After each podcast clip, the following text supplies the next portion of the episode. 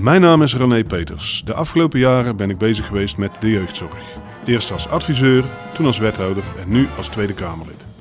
In deze podcast ga ik in gesprek over allerlei aspecten rondom de jeugdzorg. Om te komen tot praktische handvatten om de zorg voor onze jeugd te verbeteren. Welkom bij Peters Podcast. Welkom bij deze podcast. Welkom Maartje van Os. Ik ben blij dat je er bent. Um, orthopedagoog, gedragsdeskundige, deskundige op het gebied van uh, passend onderwijs en, uh, en het snijvlak met zorg. En uh, houdt zich onder andere bezig met beleids, beleidsadvies, als ik het goed zeg. Maar Maartje, zou jij zelf eens wat verder voor kunnen stellen en waar hou jij nou de hele dag mee bezig? Ja, zeker. Um, ik werk inderdaad als gedragsdeskundige um, en ook als beleidsadviseur bij verschillende gemeentes. Um, bij samenwerkingsverbanden, voortgezet onderwijs. En soms ook bij zorgaanbieders op het gebied van jeugdzorg. Uh, en met name richt ik me op uh, jeugdigen die uitvallen op school of dreigen uit te vallen. Um, dat is waar, waar ik me wel in heb gespecialiseerd. en bij gemeenten doe ik ook ja, specifiek jeugdhulp. Dus dat heeft dan minder. nou ja, het heeft altijd raakvlak met onderwijs. laat dat voorop staan. Maar nou ja, daar is mijn richting wel echt jeugdhulp. Oké, maar dat, dat is eigenlijk ja, dus zorg, onderwijs, die combinatie daartussen, schooluitval, daar heb je op uh, gespecialiseerd. Dan eerst de vraag, omdat er heel veel misverstanden denk ik over. Wat, is eigenlijk, wat betekent eigenlijk passend onderwijs? Wat is dat? Waar komt het vandaan? Heb je, kun je daar eens wat uh, kleuring aan geven voor de mensen? Ja, ja, dat ieder kind een plek vindt op school uh, binnen het onderwijssysteem wat we hebben. Um, en ja, ook wel de richting om uh, uh, binnen het reguliere onderwijs zoveel mogelijk een plek te hebben voor ieder kind. Ja, wat dat dan inhoudt, is dat het systeem daarop moet worden ingericht. Dus dat de expertise die op de scholen aanwezig is, uh, zo breed moet zijn dat ze eigenlijk ja, ieder kind kunnen bedienen. En waar komt nou die, die wens vandaan? Kijk, kijk ieder, wat gebeurt er nou met een kind? Waarom is onderwijs nou voor ieder kind zo belangrijk? Wat is daar. Ja, ik denk, uh, nou sowieso, uh, ieder kind gaat naar school. Dat mm -hmm. is mhm. al het allerbelangrijkste. Dus er is leerplicht. Ieder kind wordt gezien op school, uh, hoe je het nou wenst of keert. Dus, um, nou ja, dan hebben we het nog niet over de eerste vier à vijf. Mm -hmm. Leerplicht is natuurlijk pas vanaf vijf. Um, maar ieder kind is daar, dus wordt gezien door een leerkracht. Terwijl binnen een gezin is dat natuurlijk niet het geval. Dus, nou ja, als je al invloed wil hebben, dan is onderwijs de plek, denk ik. Oké. Okay. Dus je zegt onderwijs is, is vanuit de maatschappij van belang voor die kinderen natuurlijk. Want als we ze. We weten ook, denk ik, uit onderzoek wel dat uh, een belangrijke motor voor emancipatie van mensen is, zeg maar, goed onderwijs, uiteraard. Dus daarom belangrijk dat ieder kind naar school gaat. En voor een kind zelf is het ook van levensbelang. Ja, absoluut. Ja, ja. En dan, dan heb ik het niet eens alleen over het leerprogramma, uh, maar voornamelijk juist die contacten met andere kinderen.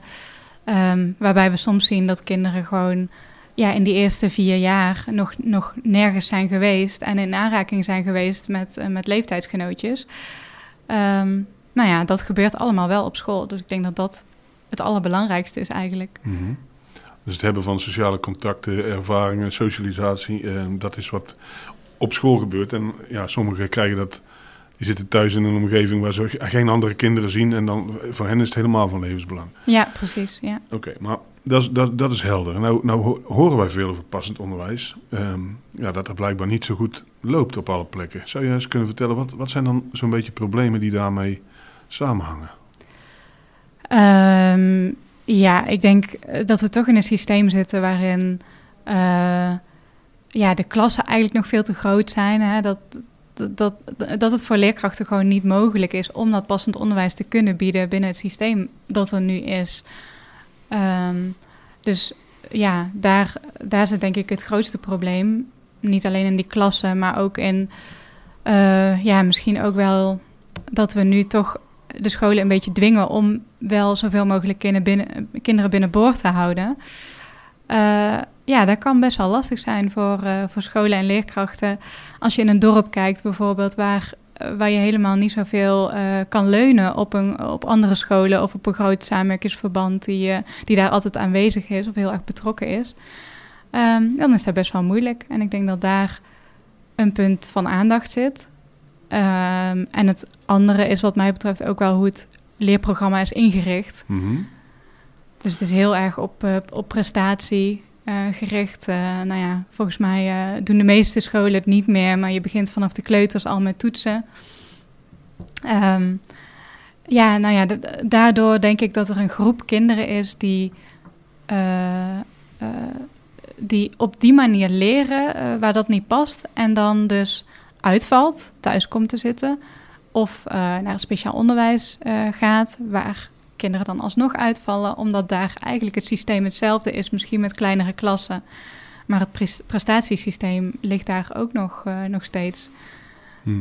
Dus eigenlijk, jij, jij zegt er zijn een aantal problemen. Kinderen die gaan gewoon eh, standaard allemaal naar school. Een aantal zijn helemaal geen andere kinderen gewend. Dan komen ze op school.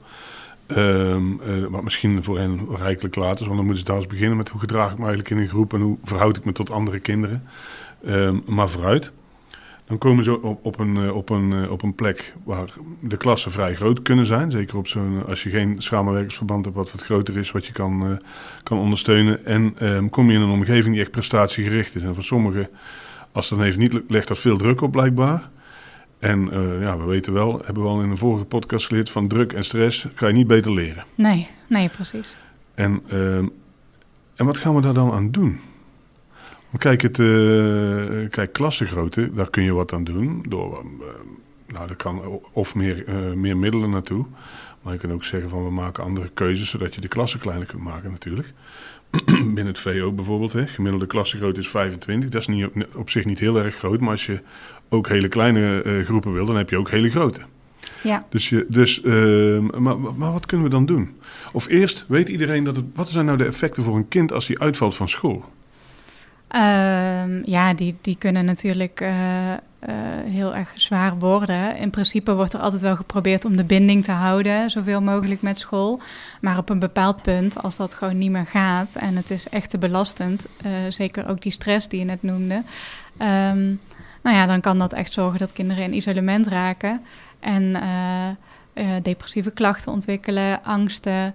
Die angst wordt steeds groter om dan weer in groepen te kunnen functioneren. Ehm, nou ja, dan wordt er vaak naar jeugdzorg ge- gegrepen om dan eh, een vorm van dagbesteding bijvoorbeeld toch weer te gaan opbouwen op die manier.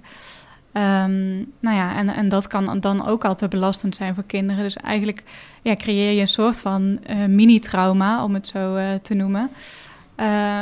Gericht op het hele onderwijssysteem. En als dat al op een basisschool gebeurt, of op een voortgezet onderwijsschool, eh, ja, dan betekent dat ook dat iemand op latere leeftijd minder goed kan participeren. Mhm. Dus wij... ehm, ik heb al ooit gehoord van het woord schoolpijn. Komt het jou bekend voor? Zou het, eh, Ja, is het ja. iets wat vaker gebruikt wordt? Kijk, ik kan me voorstellen dat als je inderdaad naar school gaat... je voelt je dat je heel veel moet presteren. Dat lukt dan klaarblijkelijk wat moeilijker, om wat voor reden dan ook. Of niet in die grote groep. Of het klikt niet met je leren, je valt uit. En als je er niet meer bent, dan is ja, hoe langer dat je wegblijft... hoe groter de drempel wordt om weer terug te komen. En dan stapelen de problemen zich wel op. Gebrek aan perspectief, gebrek aan dagbesteding, gebrek aan ritme... ehm, somberheid, angsten... Eh, nou ja, dus hoe langer dat je wacht, hoe moeilijker dat het wordt om terug te keren. Ja, ja, zeker. En En met alle gevolgen van dien. En dan, en dan doen we de symptomen gaan we oplossen met zorg. precies, ja. ja. Maar dat lijkt me niet de goede weg.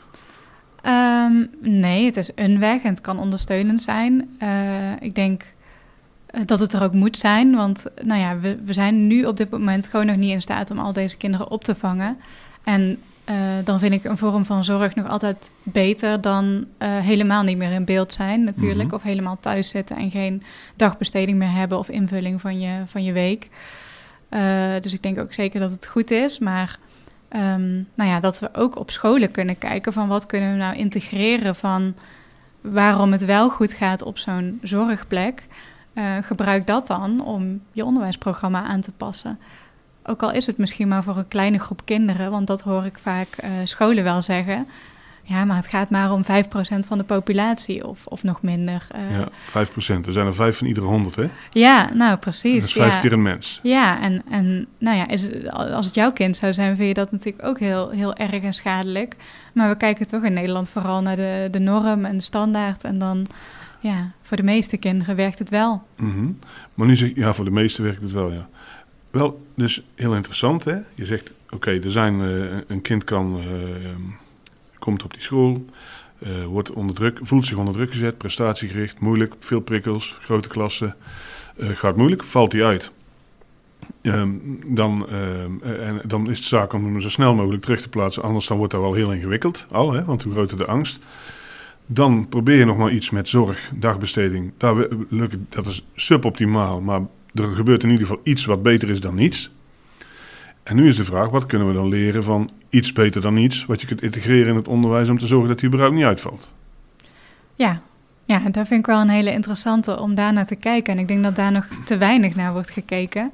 Mhm. Ehm, omdat het heel erg kindgericht is van individueel gericht ook mhm. wel. Van we zien één kind die is uitgevallen, wat heeft dit kind nodig? Maar je ziet dus dat bepaalde plekken wel goed werken voor, uh, uh, voor, deze, voor deze groep kinderen. Um, ja, nou ja, ik, ik heb bijvoorbeeld uh, ook met een initiatief gewerkt, Digibende. daar werken ze echt met, met schooluitvallers gericht op een ontwikkelingsprogramma waar je veel breder kijkt naar interesses. Um, nou ja, waar, waar dus ook sport en gamen bijvoorbeeld wordt geïntegreerd in het programma. Dus inspanning en ontspanning. nou ja, dat werkt blijkbaar heel goed voor een bepaalde doelgroep. En ik zeg nog niet dat we dan alle schooluitvalkinderen te pakken hebben, want je hebt natuurlijk ook met andere problematieken te maken. Maar als het gaat om prestatiedruk en uitvallen vanwege, ehm, nou ja, ook wel angsten of ontwikkelingsproblematiek, dan is een bredere kijk, dus kijken naar de uh, ontwikkeling en competentieontwikkeling van kinderen, zonder dat meteen te koppelen aan sta je wel een 7 voor Engels en mag je over naar het volgende jaar. Ik denk dat dat een hele belangrijke is om uh, kinderen binnen het onderwijs te kunnen behouden. Ja, maar als, Kijk, dat klinkt eigenlijk logisch. Hè? Als, we, als we weten dat uh, stress slecht is, dat je de stress niet leert, dan is hameren enkel op prestatie. Kijk, je natuurlijk wil je iets leren, uh, heel graag. Kan, maar hameren enkel op prestatie, dat bouwt stress op. en van stress komen angsten en dan komt er van leren helemaal niks meer. Nou ja, dat weten we.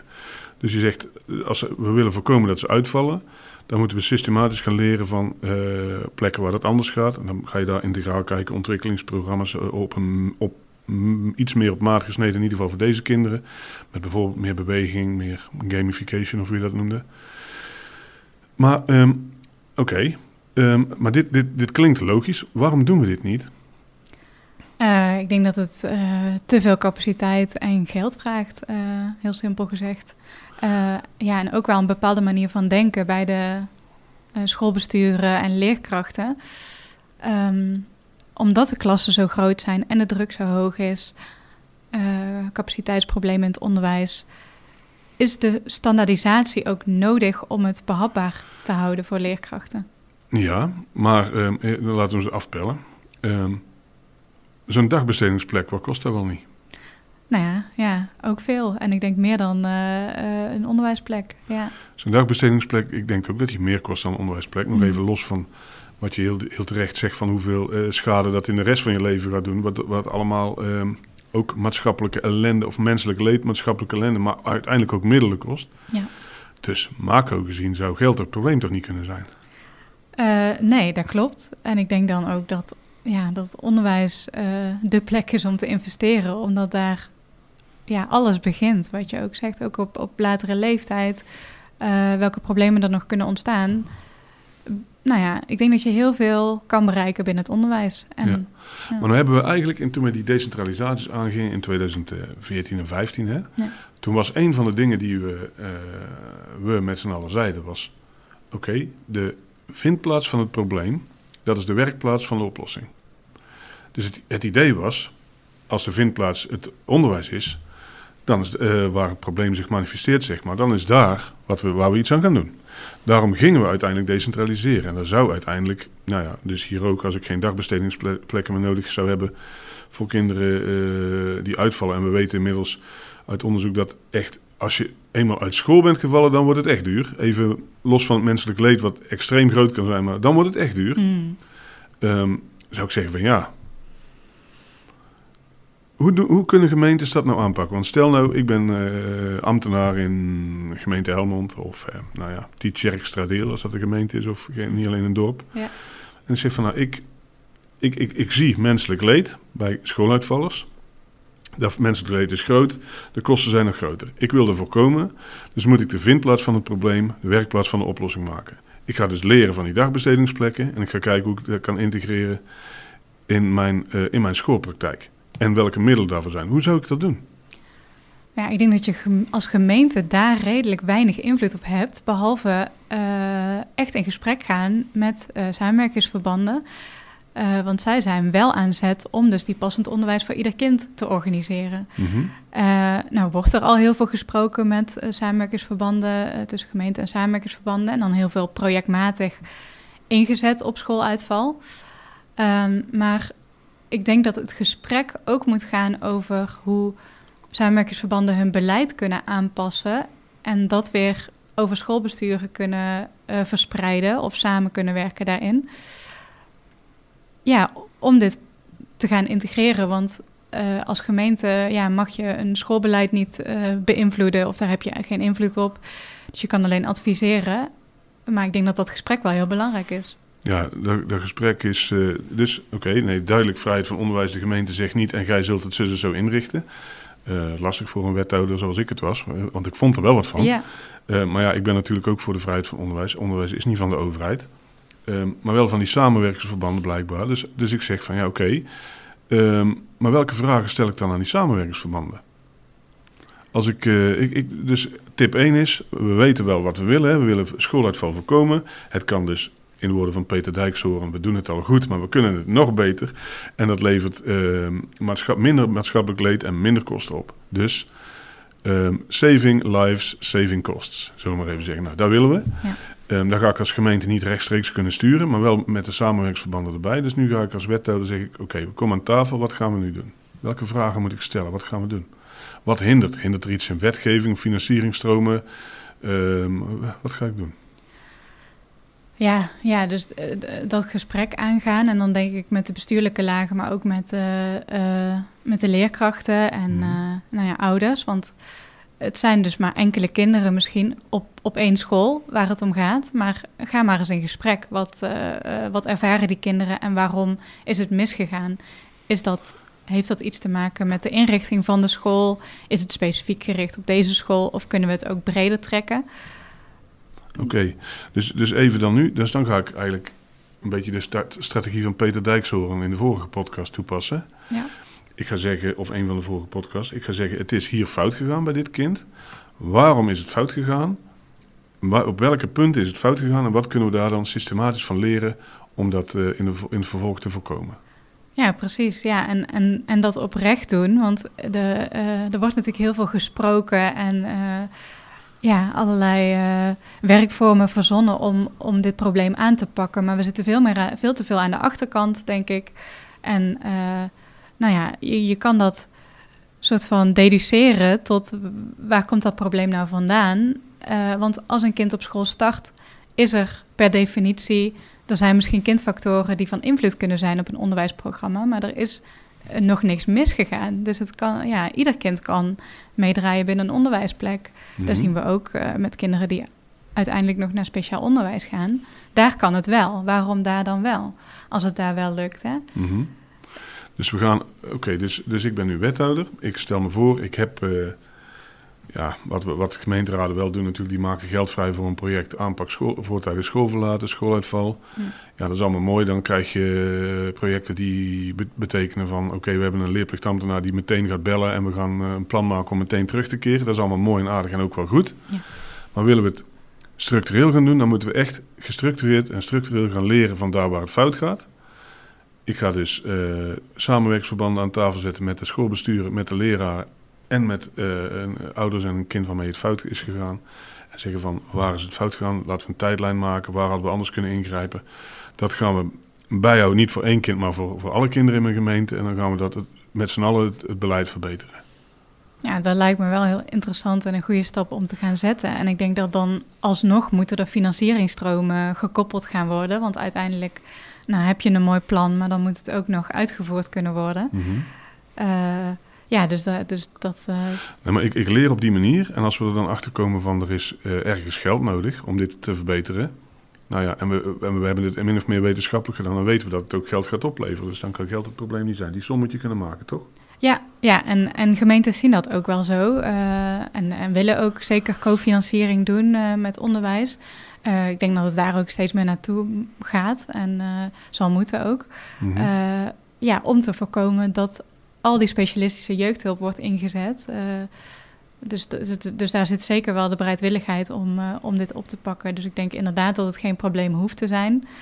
Ehm, ja, maar ergens stagneert het toch nog steeds. Dat, eh, Ja, ergens. en heb je enig, ik, ik heb me altijd verbaasd van waarom zou dat nou kunnen stagneren? Weet, heb- hoe komt dat? Zijn dat belemmerende overtuigingen bij mensen op cruciale plekken? Of, Ja, ook wel. En ik denk ook wel dat ehm, eh, eh, ja, onderwijs vindt van eh, wij zijn exper- expert op het gebied van onderwijs, dus laat ons ook doen wat wij het beste kunnen. Ehm, dus ja, gemeente bemoei je met je eigen zaken, om het zo eh, zwart-wit te zeggen. Ehm, maar ja, zeker als je het hebt over uitvoerend beleid op een school, ik denk dat dat ook wel meespeelt. Ehm, ja, wat dus niet betekent dat scholen die kinderen maar gewoon thuis willen laten zitten. Maar ja, eh, scholen zijn toch heel erg ingericht op nou ja, de, de, eh, dat prestatiesysteem, noem ik het allemaal even weer. Van Mhm. ja, als wij ervoor zorgen dat we voldoende uitstromen hebben eh, richting een regulier voortgezet onderwijs, statistieken. de CITO-scores zijn natuurlijk ontzettend belangrijk. Dus, dus daar moet dan ook wel ja, anders Ja. naar gekeken gaan maar jij, nu zeg je eigenlijk van ja, maar er zit. Kijk, een, een, een individuele docent of een school die heeft echt wel het, het beste voor met kinderen. Maar de prikkels ook om, om te zeggen van we gaan hierop inzetten. Die staan verkeerd, want er staan eigenlijk eh, prikkels van nee, ik wil eh, uitstromen graag zo hoog mogelijk, allemaal groene vinkjes. Ja. En eh, dan is de prikkel, laten we ook voor ehm, deze vijf personen eh, alles doen om ze hier te houden en dat op een goede manier te doen. Dat is niet de prikkel die veel scholen op dit moment ervaren. Nee, dat denk ik wel. Ja, dat het zo zit. Ja. Oké, ja, dan, daar is een rol dan weer van de, voor, voor de samenwerksverbanden en de gemeente, toch? Om te zeggen van ja, wacht even. Eh, ja, klopt. En misschien ook wel voor het ministerie eh, een stukje sturing in ja, wat mogelijk is binnen je onderwijsprogramma. Dus ja, nou ja, bijvoorbeeld een, een CITO-toets is gewoon verplicht. Dus, eh, en daar wordt ook... De eh, eindtoets is verplicht. Ja. Ja. en daar wordt ook op gebaseerd eh, ja, de, de, de financiering. En, dus da- daar wordt allemaal naar gekeken. Het zijn allemaal prikkels inderdaad die die school heeft om, om daar maar aan te werken. Mhm. En ehm, nou ja, niet zozeer op dat andere vlak. Ook al ja, doen we ze misschien daarmee tekort, want er wordt natuurlijk echt wel naar gekeken. Maar ja, eh, eh, Ja. een constructieve oplossing, dat blijft nog uit, denk ik. Ik zou eigenlijk zeggen, zijn er ook plekken waarmee je denkt van kijk, hier pakken ze dit nou op een excellente manier aan. Of hier zijn ze echt op weg om dit te doen. Ja, nou ja, absoluut. Ik denk dus, eh, ja, ik heb het al een paar keer genoemd, maar ik vind dat, dat die prestatiecultuur en dat we kinderen afrekenen op of ze een voldoende of een onvoldoende hebben. En nou ja, soms voelt het ook zelfs als een straf voor kinderen als ze dan van HAVO naar eh, VMBO worden eh, Mhm. gestuurd omdat ze te lage cijfers halen. Dat, eh, dat, daar zouden we echt vanaf moeten. En dat is een zie, maatschappelijk probleem. ja, met z'n allen vinden wij blijkbaar, ehm, ja, vinden we daar wat van. Ja, en ik denk dat sommige plekken, sommige scholen, die, die proberen daar echt van af te stappen door meer projectmatig onderwijs aan te bieden of formatief evalueren, zoals dat zo mooi heet. Dus dan eh, stap je eigenlijk af van het geven van cijfers en ga je veel meer kijken van eh, ja, op de ontwikkeling van een kind. Wat zien we nou gebeuren? En eh, geef je daar feedback op. Laat je Mhm. kinderen ook zelf meedenken in hun eigen ontwikkeling. Dat vind ik hele mooie ontwikkelingen, omdat een kind zich dan niet per se hoeft te vergelijken met, met de rest, maar met zichzelf. Ja. ja, die hebben we een tijdje geleden ook, ook gehoord inderdaad. Dus dat het van belang is dat ieder kind doorheeft van ik, word, ik ga iedere dag een persoonlijk record lopen. We maar even zeggen, ik ga een klein stukje verder. Ja. Maar ik ga me niet ver- vergelijken bij mijn, met mijn buurjongen of buurmeisje per se. Omdat er dan altijd een van ons twee de loser is die onder druk staat om het beter te doen. Ja, Of nee, niet beter te doen, net zo goed te doen als hij. Ja, of, of, goed, net zo hoog te presteren net als hij. ja, ja, ja, dat is wel wat er nu eh, gaande is. En ik denk dat dat zorgwekkend is. En dat gaat natuurlijk door ook nog thuis voor kinderen. Want op social media zitten ze zich ook doorlopen te vergelijken met anderen. En ben ik wel goed genoeg? Ben ik wel Mhm. knap genoeg en mag ik wel meedoen? En dat gaat helemaal door tot je volwassen leven. Als je een baan moet vinden. En eh, eh, nou ja, dat lukt niet zoals bij de rest van je omgeving. Ja, maar nu heb je eigenlijk, eh, nou ja, dan stellen we wel een hele grote aan de kaak. We hebben gewoon een maatschappelijk probleem. We zitten ons de hele tijd te vergelijken met elkaar. En waarvan hoger, sneller, verder, mooier, knapper, slimmer. Uh, de norm wordt, ja, daar ligt voor iedere, iedere gezonde volwassene ook uh, onnodige druk op. Ja. ja. Ah, dat is een maats klein maatschappelijk probleem waarvan ik denk, ja, dat lossen we tijdens deze podcast misschien niet op. Nee, nee, misschien niet, maar het gaat misschien wel ergens een zaadje planten. Dus, uh... Ja, we hebben mosterd zaadje geplant, ja, ja. Nou, we weten wat we daarmee kunnen doen. Maar goed, even nog. Um, Oké, okay. schooluitval is duur, is kwaadaardig, slecht voor mensen en ons ongelooflijk duur. Als ik het kan voorkomen, kan ik maatschappelijk leed voorkomen en kan ik kosten besparen. Dat kan ik doen door de school de vindplaats van het, of de, ja, de vindplaats van het probleem, de werkplaats van de oplossing te maken. Daarvoor moet ik leren wat is er fout gegaan. Uh, dus, dus die kinderen waar het fout is gegaan, daar moet ik met iedereen, alle betrokkenen in gesprek, gestructureerd en structureel, dat kun je als gemeente faciliteren. Waar is dit fout gegaan? Zijn hier patronen in te verzinnen? Kan ik die uh, beleidsmatig verbeteren? Nou ja, oké, okay, dan, moet je, dan kun je dan niet afdwingen als gemeente, maar wel afspraken maken met de samenwerkingsverbanden. Dat is de negatieve manier, kijken wat er fout is gegaan. Maar we kunnen ook kijken, blijkbaar gaat het wel op een bepaalde plek van dagbesteding. Wat kunnen we leren op een positieve manier, wat daar wel goed gaat. En kunnen we dan implementeren in het, in het onderwijs weer, bijvoorbeeld. Ja. En, en thuis. En dan moet, het, dan moet het beter gaan. Ja, en ook leren van andere vormen van onderwijs die dus al lopen. En misschien is dat nog te vroeg om te zeggen, uh, uh, maar ook daar naar onderzoeken kijken op termijn of dat niet meer als de standaard kan worden gebruikt. En noem, wat bedoel je daar? Noem eens voorbeeld. Nou, net bijvoorbeeld dat formatief evalueren in plaats mm -hmm. van het cijfermatig beoordelen. dat is een voorbeeld vakoverstijgend projectonderwijs, waarbij het veel meer gaat over interesses uitvoeren uh, en vakken integreren met elkaar. Mm -hmm. um, en veel minder om woordjes stampen en dan heb ik uh, een voldoende. Oké. Okay. Ik weet niet of ik het daar helemaal mee eens ben, als ik eerlijk ben. Maar dat hoeft ook niet. Nee. Het is jouw verhaal. Nou, kijk, ik ben het er wel mee eens dat als we elkaar gaan afrekenen op heb je hier een 6 en dat is de, of een 7 of minimaal en dat is wat, wat onze raison d'être en daar gaan we op hameren. Die druk mag je wel weghalen, inderdaad. Maar nou, um, um, ja, nou, nou, nou is maar eigenlijk mijn, mijn laatste. Je hebt er nog een passie voor. Waar komt het vandaan, joh? Ja, je, uh, je, je, je, vlamt. Je, je, ik, ik, met hart en ziel ga je daarvoor. Ja. Ja, nou ja, gedeeltelijk uh, denk ik vanuit mijn ouders. Die komen allebei uit het onderwijs. Dus daar, daar heb ik dit wel ook meegekregen. en ik heb het zelf ook dichtbij meegemaakt. mijn broertje is ja, eigenlijk na de basisschool nooit meer echt mee kunnen komen in het onderwijssysteem. Ook meerdere keren uitgevallen. Uh, ja, van niveau moeten, moeten wisselen. Uh, en uiteindelijk geen diploma gehaald. Ook op de arbeidsmarkt problemen. Nou ja, dat met verslaving en uh, psychische problemen heeft er uiteindelijk toe geleid dat hij suïcide heeft gepleegd. Twee jaar geleden. Dus ja, dat is natuurlijk een, een, een verschrikkelijk uh, dramatische uitkomst. Uh, en uh, nou ja, dat maakt wel dat ik dus zie dat er iets in zijn leven is gebeurd wat had kunnen voorkomen. Ja. ja. ja. Als we eerder hadden geweten welke patronen zich hier voldoen, voltrekken, dan hadden we misschien. Kunnen we, nee, we hadden dat niet kunnen voorkomen, dan hadden we het, kunnen we het voor de volgende wel voorkomen. Ja, dat is het. Ja, ja. Ik, denk, ik denk ook niet dat het te voorkomen was. En het zijn natuurlijk veel factoren bij elkaar.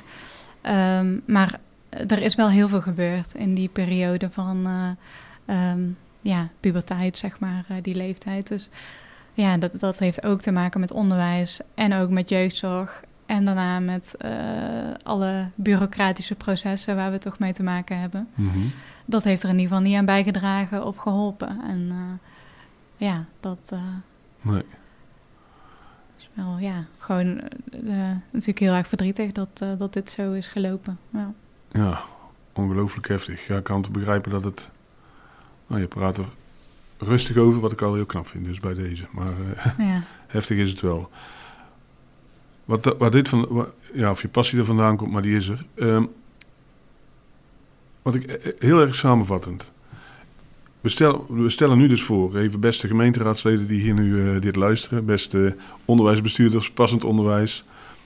Als we het willen verbeteren voor veel kinderen, dan vinden we ze op school. Daar moet het beter, we doen het daar goed, we kan nog beter iedere dag. We gaan leren van, uh, van de uh, processen, de, de stappen waar het fout is gegaan, door terug te akkeren. We gaan leren daar waar het goed gaat.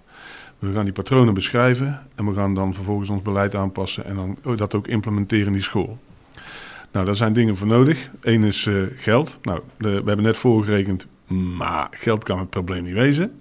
Hè? Alleen dat betekent wel dat er schotjes tussen uh, deel jeugdzorg en een deel uh, passend onderwijs uit zouden kunnen. Nou, dat kan op gemeentelijk niveau. Dus dat is, daarom hadden we gedecentraliseerd. Ja.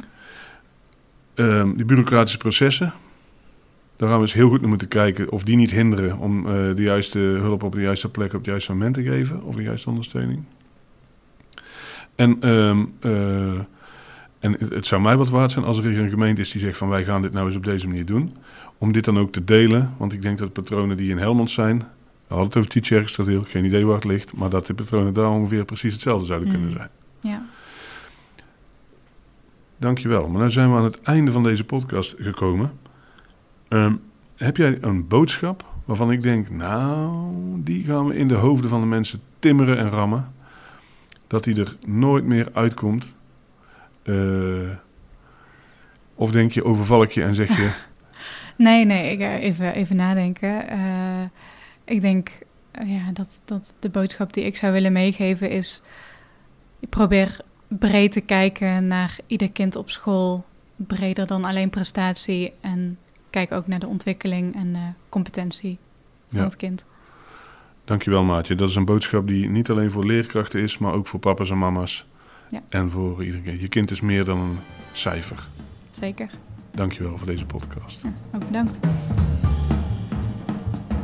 Dankjewel voor het luisteren naar dit gesprek. Ik hoop dat je het interessant gevonden hebt. Delen mag, vergeet je niet te abonneren en tot de volgende aflevering van Peters Podcast.